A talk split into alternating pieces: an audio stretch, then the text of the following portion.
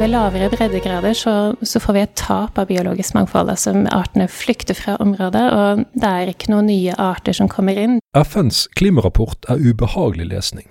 Forskerne som bidrar til rapporten, har styret dystre prognoser i Hvitøy i lang tid. Vi har snakket med en av de mange forfatterne som nå vet mer om klodens og fiskerienes fremtid enn de fleste av oss. Vi spurte om det er lys i enden av tunnelen. Jeg heter Kjetil Svendsen, og dette er Tekfisk, podkasten om teknologi og forskning i sjømatnæringen. Mette Skern Møritzen, velkommen til oss. Jo, tusen takk. Du er forskningssjef ved Havforskningsinstituttet. Hvilket eh, fagområde jobber du med? Jeg leder en eh, forskningsgruppe som heter Økosystemprosesser. Eh, så vi jobber med økosystemene i havet og langs kysten. Og hvordan de endrer seg over tid med endring i klima og endring i menneskelig påvirkning. Og eh, midt oppi det så har du sammen med kollegaer fra inn- og utland bidratt til FNs ferske klimarapport. Ja, det har jeg. Hvordan er nattesøvnen? Eh, akkurat nå så er den litt god. Jeg føler meg litt utlada etter eh, lanseringen og ferdigstillingen av rapporten. Hvor lenge mm. har dette arbeidet pågått? Eh, vi har holdt på i hva er det, tre og et halvt år. Den prosessen ble jo litt forlenget med, med covid.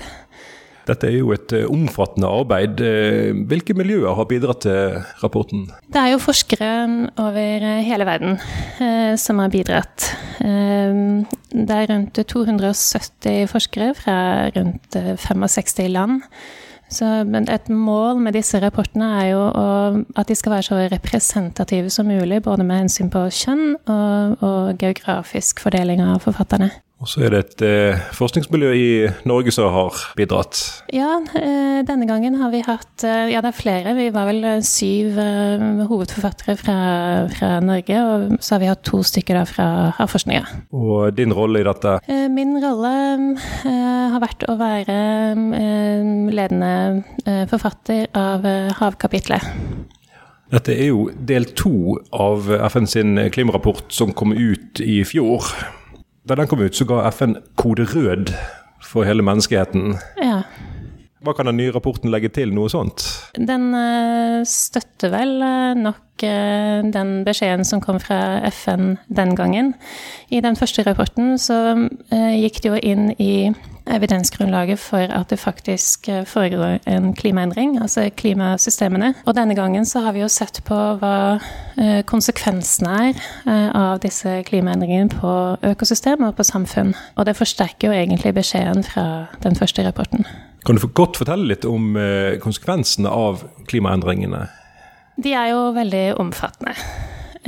Og de observeres egentlig overalt.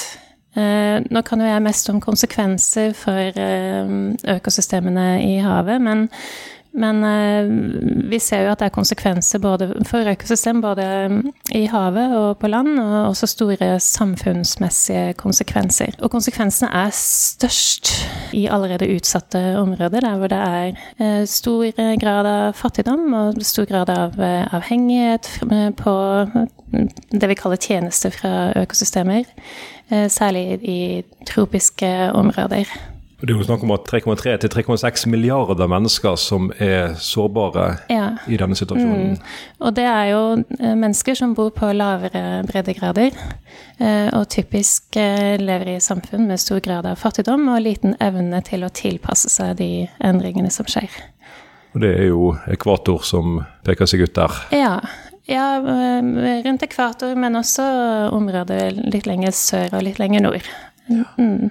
Det er jo mange aspekter på, på land, som slik som drikkevann og folkevandring, rett og slett. Ja, det er klart. Det, det går på tilgang på vann, og det går på eh, også konsekvenser for eh, jord, landbruk og matproduksjon. og så er det jo eh, litt sånn at vi ser at eh, det er de samme områdene som kanskje kan få redusert eh, matproduksjon på land som også eh, får de største konsekvensene i havet, eh, i form av reduserte fiskerier.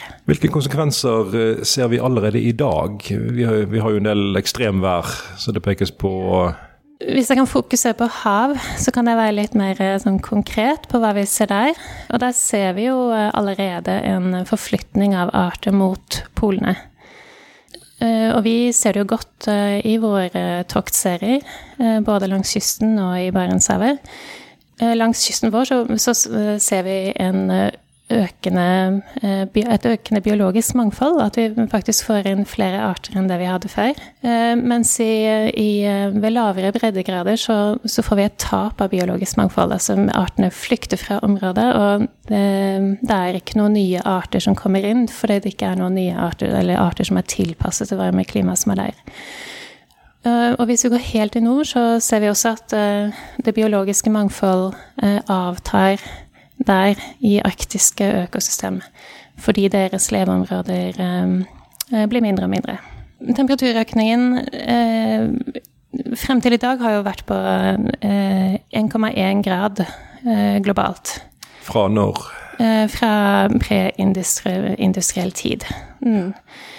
Og denne økningen har jo allerede gitt enorme endringer både på, på land og i hav. Ehm, og det viser oss jo også at eh, de fremtidige konsekvensene er veldig avhengig av hvor stor eh, temperaturøkningen kommer til å bli.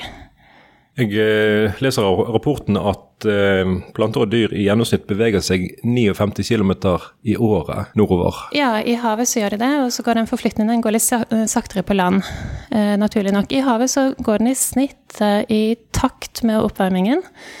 Men den går jo ikke på likt eh, for alle arter. Så det er jo ikke sånn at alle artene forflytter seg med 60 km eh, per tiår. Eh, så man får en stor variasjon i hvor langt artene forflytter seg, og hvem som forflytter seg. Og det gjør jo at man får skrudd sammen det som vi kaller nye økosystem. Det er nye arter som opptrer sammen innenfor et område. Og på den andre siden så er det økosystemer som bryter sammen. Det er også økosystemer som eh, bryter sammen. Ofte så er det ja, for, for, noen økosystem, som, eh, som eh, korallrevene, som er noe av det mest sårbare systemet vi har på kloden i forhold til global oppvarming, de, de, bryter sammen også eh, eh, som en konsekvens av denne gradvise oppvarmingen. Men så har vi Vi har jo ikke kun ekstremvær på land, vi har ekstremvær i havet også, som vi kaller marine hetebølger. Og de største konsekvensene for, for um, både korallrev og tareskog og sånn har vært uh, etter uh, at det har oppstått sånne marine hetebølger. Da har uh, forskerne kunnet studere hvordan kortvarige forandringer påvirker. Ja. Dette vil kanskje gi en indikasjon på hva som skjer i fremtiden? Ja, eh, det, eh, på en måte så, så, gjør det det. Fordi de eh, endringene som skjer når disse marine hetebølgene oppstår, er ofte større endringer som vi kanskje ellers forventer frem mot år 2100. Blant annet så var det en stor hetebølge som kom i Stillehavet i 2015 2016, og som har kommet igjen og, og opptredd flere ganger og på litt ulike steder. Og da fikk man en temperaturøkning på seks grader. Og det er på en måte noe av det man forventer frem mot år 2100 i verste scenario. Så egentlig litt utenfor det vi forventer. Um, uh, og konsekvensene var jo enorme. Så, så, og det er jeg sånn opptatt av, at vi må ta hensyn til disse ekstremhendelsene i havet også. Vi, vi må ikke bare planlegge for Eh, disse gradvise endringene som kommer i projeksjonene. Men vi vet med stor grad av sikkerhet at eh, frekvensen og intensiteten av slike eh, hetebølger de øker. Det, fast, det ble slått fast i den første rapporten. Og at økningen er størst i tropiske områder og i arktiske områder. Så dette mener jeg er noe vi bør forberede oss på. At den type ekstremvær i havet oppstår, gjør det forskningen uforutsigbar? Det gjør ikke forskningen uforutsigbar, men det gjør at det er vanskeligere Det gir en usikkerhet rundt eh, konsekvensene, de fremtidige konsekvensene av, eh, av klimaendringer. Um, og det er vanskeligere å jobbe med disse hetebølgene, for vi vet ikke når, når eller hvor de oppstår. Så det er lettere å jobbe med disse gradvise økningene. De kan vi på en måte lett, lage scenarioer for som vi kan uh, putte inn i modellene våre. Så vi må jobbe mer med hvordan vi skal uh, representere da Eller jobbe med hvordan vi skal få inn hetebølger også i modellene våre, og, og se mer på både mulige konsekvenser av hetebølgene, men også um, få en grundigere vurdering av hvordan vi skal bygge økosystemenes robusthet mot disse hetebølgene. Det mener jeg er et um, veldig viktig tema. Hvordan oppstår egentlig ekstremvær i havet? Ja, Eh, jeg har ikke Jeg kan ikke alle detaljene, men, men eh, det skjer eh, pga. endringer i varmetransport. Både med, fordi havstrømmene endrer seg, men også pga. endringer i, i overføring av varme mellom hav og atmosfære. Så det er en del av det store klimabildet. Oppi alt dette så trenger vi jo mat. Ja. Og i Norge så står jo fiskeriene sterkt. og mm -hmm er viktig og blir stadig viktigere. Er fiskerien en del av løsningen eller en del av problemet? Jeg tenker helt klart at de er en del av løsningen. Det er jo ingen som snakker om at vi skal slutte å eh, fiske fra havet, men, eh, men jeg tenker at vi i større grad må begynne å tenke klimaendringer også inn i fiskeriforvaltning. Varmere vann og nye arter og etablerte arter som trekker nordover og økosystemer som bryter opp. Hvordan eh, vil fiskerne merke dette? Ja, De har jo merket det allerede. Eh, I Nordsjøen så har det vært eh, nedgang i, i flere bestander. Mens i, i Barentshavet så har vi jo bestander som har gjort det relativt godt når det er varmere i havet. Og det er jo fordi at bestanden i, i Barentshavet er på en måte på sin nordlige del av utbredelsesområdet. Så så de kan få det litt bedre når det blir, eh, blir eh, varmt. Gyteområdene er jo viktig her på Havforskningsinstituttet. Mm. Hvordan eh, blir de påvirket? Ja, vi har sett at uh, i varme år så, uh, så, går det litt dårligere med rekruttene som kommer fra de sørlige gyteområdene for torsken, f.eks. Um, og det handler litt om um, Fordi det er ikke bare en nordlig forflytning som skjer, men, men også at våren forflytter seg litt uh, tidligere. I, um, i sånn snitt uh, globalt sett så, så, er det vel forflytting på rundt uh, syv dager per tiår. Og det kan jo kanskje høres ut som det ikke er så mye, men men igjen så forflytter våren seg uh, kjappere for plankton enn for fisk. Uh, og forflytter seg nesten ikke for sjøfugl, f.eks. Um, så det gjør at vi kan få det som vi kaller en sånn mismatch. At uh, gytetidspunktet til fisken ikke er helt optimalt i forhold til når vi får um, oppblomstring av dyreplankton. Og på samme måte at fisk, nei, sjøfugl ikke får unge når det er mye fiskeyngel i havet. Ehm, og det har vi studier som viser det som jeg refererte til, at ehm, disse eh, rekruttene som gjorde det litt dårligere i sør, det var fordi at de bomma litt på, på tidspunktet i forhold til oppblomstringen av plankton. De rekruttene som eh, overlever, hvor robuste er de? Ja, eh, Konsekvensen av i dette studiet var ikke særlig stor på, på populasjonsnivå. Eh, og det er fordi at eh, vi har jo eh, Det kommer mange rekrutter hvert år, og mange av de dør.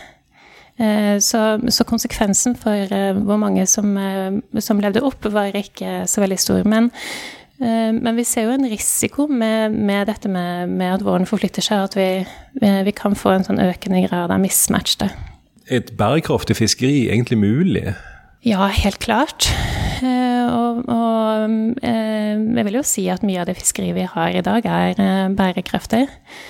Men jeg, jeg, jeg tenker at vi må begynne å tenke klima inn i egentlig alt vi gjør. Både på land og i havet, og også i fiskeriforvaltning.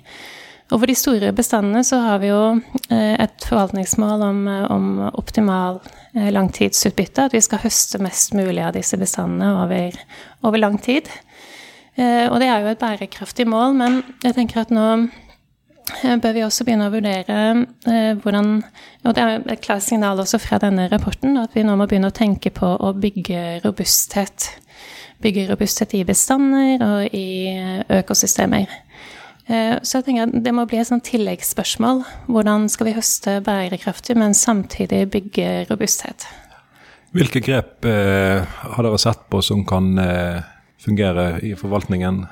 Tenker at her er vi helt Kanskje ikke helt i støpeskjeen, men ganske i støpeskjeen. Vi, vi har forsket veldig mye på, på effekter av klima og klimavariabilitet.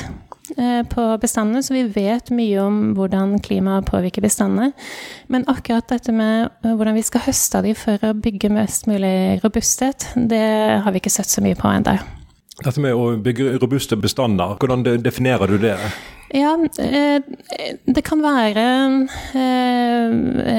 Det kan være f.eks. å bevare mye variasjon i bestandene i forhold til både hvor de gyter og alders- og størrelsesklasse, f.eks. Det kan være en, en, form for å bygge robusthet. At man ikke fjerner alle de store individene og har eh, mye av de små individene, eller mye av individer som, som gyter i et spesifikt område, f.eks. Men her, eh, her må det tenkes eh, litt nytt. Og, og ifølge fiskeri så tenker jeg også at det er um, viktig å begynne å spørre hvordan vi skal høste av økosystemene. For vi høster jo ikke bare av bestander, vi høster jo av mange bestander som har en konsekvens for dynamikken i økosystemene. Vi tar jo ut Vi, vi er en viktig del av økosystemene fordi vi tar ut mye biomasse. Eh, så vi må også se liksom samlet sett på hvordan skal vi ta ut denne biomassen eh, og samtidig bygge robusthet i økosystemene. Det er litt nye spørsmål. Dere opererer jo med ulike scenarioer eh, i forhold til temperatur. Ja. Hvilke forskjeller ligger mellom disse variantene? Ja, det er store forskjeller som ligger i variantene. Altså, målet er vel fremdeles at vi skal jobbe oss inn mot et eh, scenario som kommer under to grader eh, ved frem mot århundreskiftet, og helst ned mot 1,5 grad. De verste scenarioene som IPCC bruker, gir vel en temperaturøkning på En global temperaturøkning på over fire grader. Men, men sånn som det ligger an nå, så er ikke det realistisk. Så mm, realistisk sånn sett nå, eh, før neste COP-møte, er vel noe midt imellom der. Um, og, det, er, det er, kjempeviktig. Det er på en måte uh, Det er handling nummer én i forhold til å redusere konsekvenser på økosystemet. Det er å redusere utslipp av klimagass. For vi har ingen Altså, vi kan bygge robusthet, og vi kan endre forvaltningsregimene våre, men det er ingenting av dette som kan møte konsekvensene av Eh, den globale oppvarmingen. Så for å redusere konsekvensene, så er eh, svar nummer én redusere utslipp av klimagasser. Grep som monner, det er mulig? Nå er det jo befolkningsøkning eh, som eskalerer. Ja, det kommer litt an på hvor i verden man er, ikke sant. Altså, hos oss så tenker jeg at vi har ganske mange frihetsgrader og kan gjøre mye. For Eh, for disse milliardene av menneskene som, eh, som var svært uh, utsatt for klimaendringer, så, så har jo de færre frihetsgrader til å møte dette, og der er det jo kun reduksjon i klimagasser som, som, er, som er svaret der også. hos oss så, så, tenker jeg at vi kan gjøre en god del grep for å møte klimaendringene, men vi må være villige til å gjøre det. Et av de grepene er jo at halve planeten må vernes. Ja. Det vil kanskje ramme de mest utsatte områdene? Ja, det er mye diskusjon om det. De som har jobbet med, mye, mye med, med verneområder på land, og sånn, de ser kanskje med, på dette med bekymring. Fordi man har flyttet folk ut av verneområdene og tatt fra folk eh, sine hus. og og sine gårder.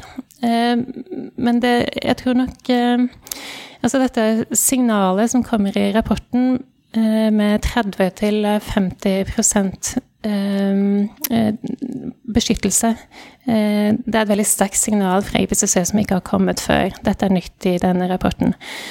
Det er viktig å og eh, få med seg at eh, de sier 30-50% conservation og ikke protection. Eh, det er en forskjell mellom disse termene. Protection er vern, som er en veldig sterk, eller kan være en veldig sterk grad av beskyttelse. Conservation betyr er en, på en måte litt mer fleksibel begrep, som også inkluderer områder som vi høster av. og som vi bruker, men som, hvor vi allikevel har reguleringer som beskytter det biologiske mangfoldet. Er det områder i Norge som peker seg ut? Oh, ja, det var et vanskelig spørsmål.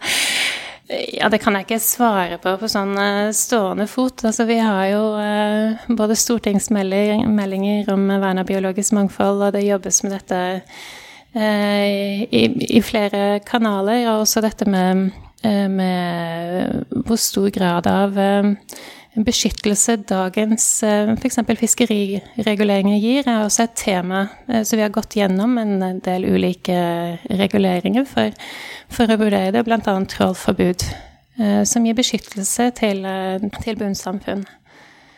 I kapitlet vårt i rapporten så konkluderte vi med at dagens verneområder i havet ikke gir noe beskyttelse for klimaendringer.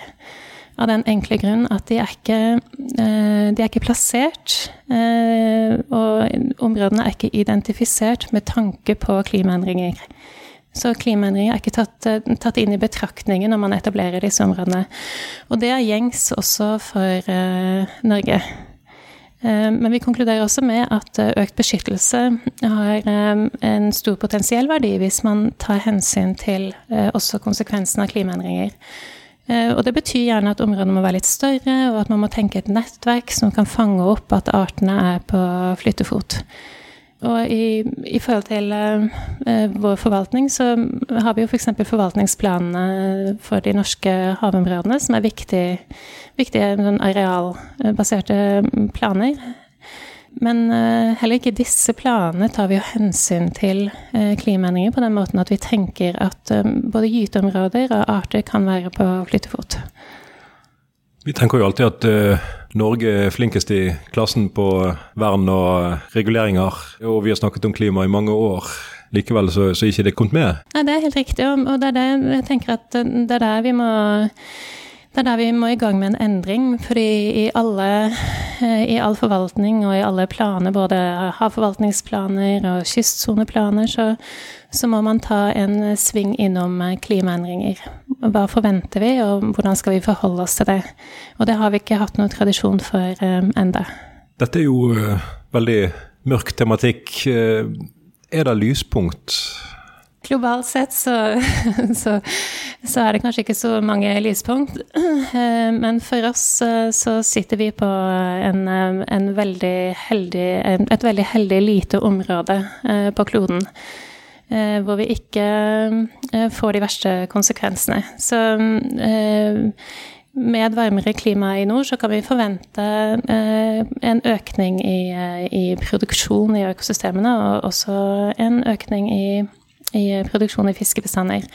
Men det avhenger også igjen da, av, eh, av, eh, hvilke scenarioer som blir realisert. Altså hvis det er de verste scenarioene som blir realisert, så forventer vi også en nedgang i produksjon i nord. Og så er det disse ekstremhendelsene som, eh, som hetebølgene, som, som, som, kan oppstå, og som vi ser får store konsekvenser. Det er kanskje litt sånn den enes død, den andres brød, men når nye arter trekker nordover, er det muligheter ja. for norske fiskerier? Mm, ja da, eh, det er det. Eh, blant annet lysing er en art som kommer nordover, og som, eh, som, gjør, det, som gjør det godt når det er varmt i havet. Så det kan absolutt komme nye muligheter. og og jeg tenker også innenfor akvakultur så, så kan, jo, kan en økende temperatur kanskje gi en økt produksjon nordover i landet. Er det litt optimist igjen i deg? Ja, det er jo litt kampvilje, da.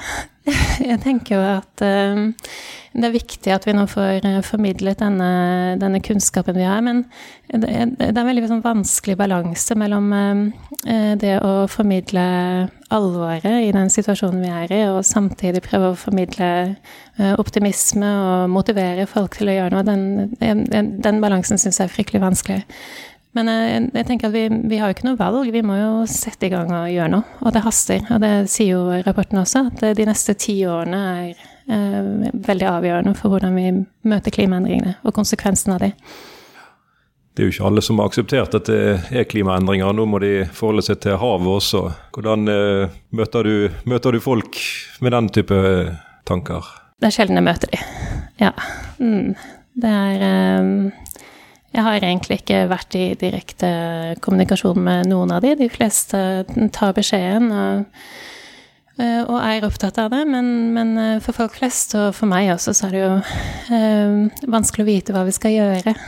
Dere forskere ser jo alvoret i dette her. Hvordan opplever dere gangen inn mot myndighetene, og hva som blir regulert ut i ettertid?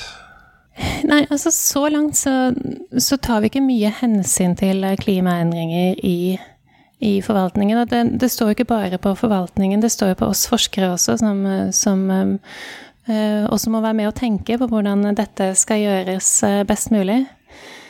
Men jeg tenker at det er en lang vei å Eller ja, det er nok en lang vei å gå å begynne å endre forvaltningsregimet. F.eks. For i forhold til å begynne å, å forvalte for en eh, økt robusthet. Um, um, og mye av forvaltningen vår er jo internasjonal. Vi gjør den i samarbeid med andre land, og vi gjør den gjennom, uh, gjennom ISIS. Um, og vi har uh, etablerte metoder med stor enighet om, om hvordan vi skal Eh, forvalte bestandene våre. Så eh, eh, det er en vei å gå for å endre slike forvaltningsregimer. Men, men, jeg mener at det er veldig viktig at vi kommer i gang med den diskusjonen. Dere på HI møter jo også fiskere på, i flere arenaer. Hvordan mm. opplever dere forståelsen der? Det er en stor interesse for, for konsekvenser av klimaendringer også blant fiskerne. Helt klart. Du har hørt TechFisk, podkasten om teknologi og forskning i sjømatnæringen.